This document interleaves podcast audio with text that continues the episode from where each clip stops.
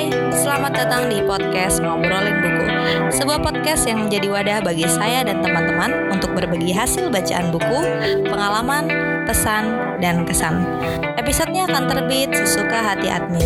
Hehe, Selamat mendengarkan. Halo, Assalamualaikum warahmatullahi wabarakatuh. Om Swastiastu, salam Salam sejahtera, salam kebajikan untuk kita semua. Kembali lagi bersama saya Zahra Nafisa di podcast Ngobrolin Buku. Uh, di podcast episode ini, uh, saya mau ngebahas salah satu karya Pram yang judulnya Larasati. Novelnya tebelnya 183 halaman, diterbitkan oleh penerbit Lentera di Pantara pada tahun 2003. Tapi sebelumnya pernah diterbitkan pertama kali tahun 2001 oleh tahun 2000 oleh Hasta Mitra dengan cover yang berbeda dengan yang sekarang. Jadi kalau cover sekarang itu warnanya merah terus digambarkan dengan uh, ada cover warna ada cover perempuan gitu. Ilustrasi perempuan cantik yang menurut saya ini bukan wajah Indonesia sih, kayak wajah-wajah Belanda gitu. Oke. Okay.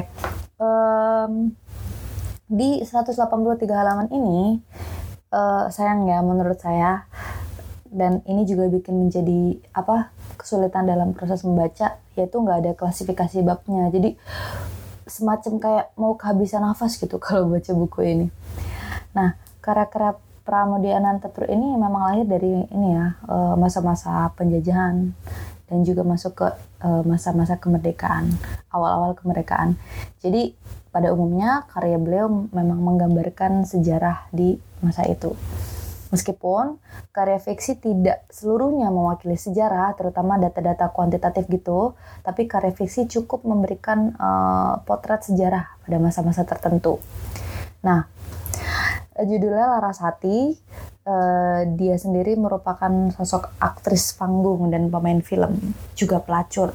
Jadi, Larasati ini digambarkan sebagai sosok perempuan yang memiliki semangat revolusi Nah dia ini kan ceritanya sudah bermain film satu tahun di Jogja di wilayah yang tidak menjadi pendudukan Belanda pada masa pada saat itu.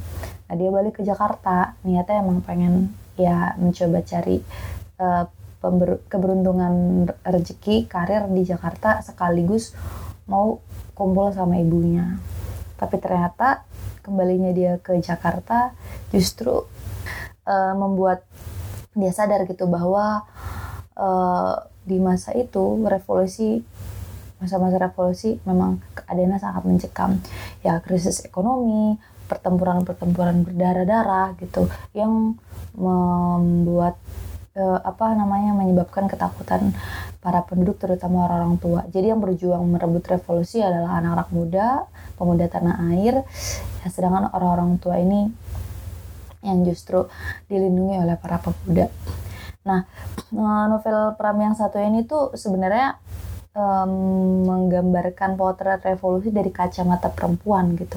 Jadi di sini Larasati tidak diperankan sebagai pejuang revolusi yang sama seperti pemuda lain yang ikut perang.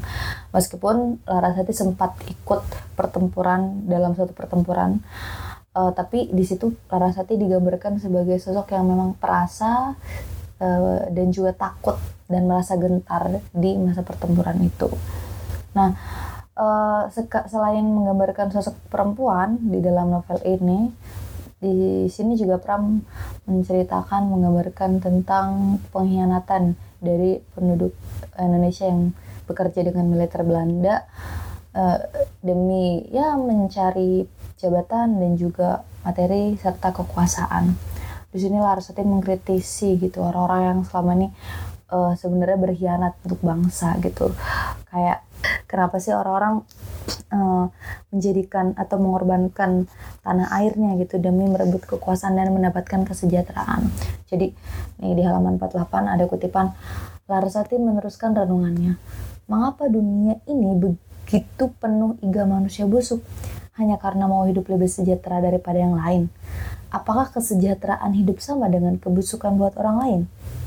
Alangkah hidup, eh, alangkah sia-sia pendidikan orang tua kalau demikian. Alangkah sia-sia pendidikan agama, alangkah sia-sia guru dan sekolah-sekolah.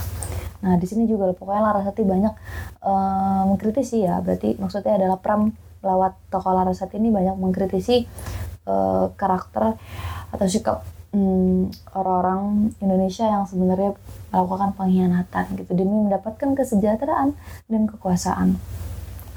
Nah, uh, sebenarnya um, tidak hanya menggambarkan juga kisah heroik kepahlawanan anak muda ya uh, tadi sih juga tapi juga menggambarkan kemunafikan orang-orang revolusioner terus orang-orang yang banyak omong gitu tapi kosong gitu dari dari aksi nah, dan juga sedikit kisah percintaan Larasati dengan tokoh yang kemudian muncul di awal terus dimunculkan lagi di akhir yang bernama Oding.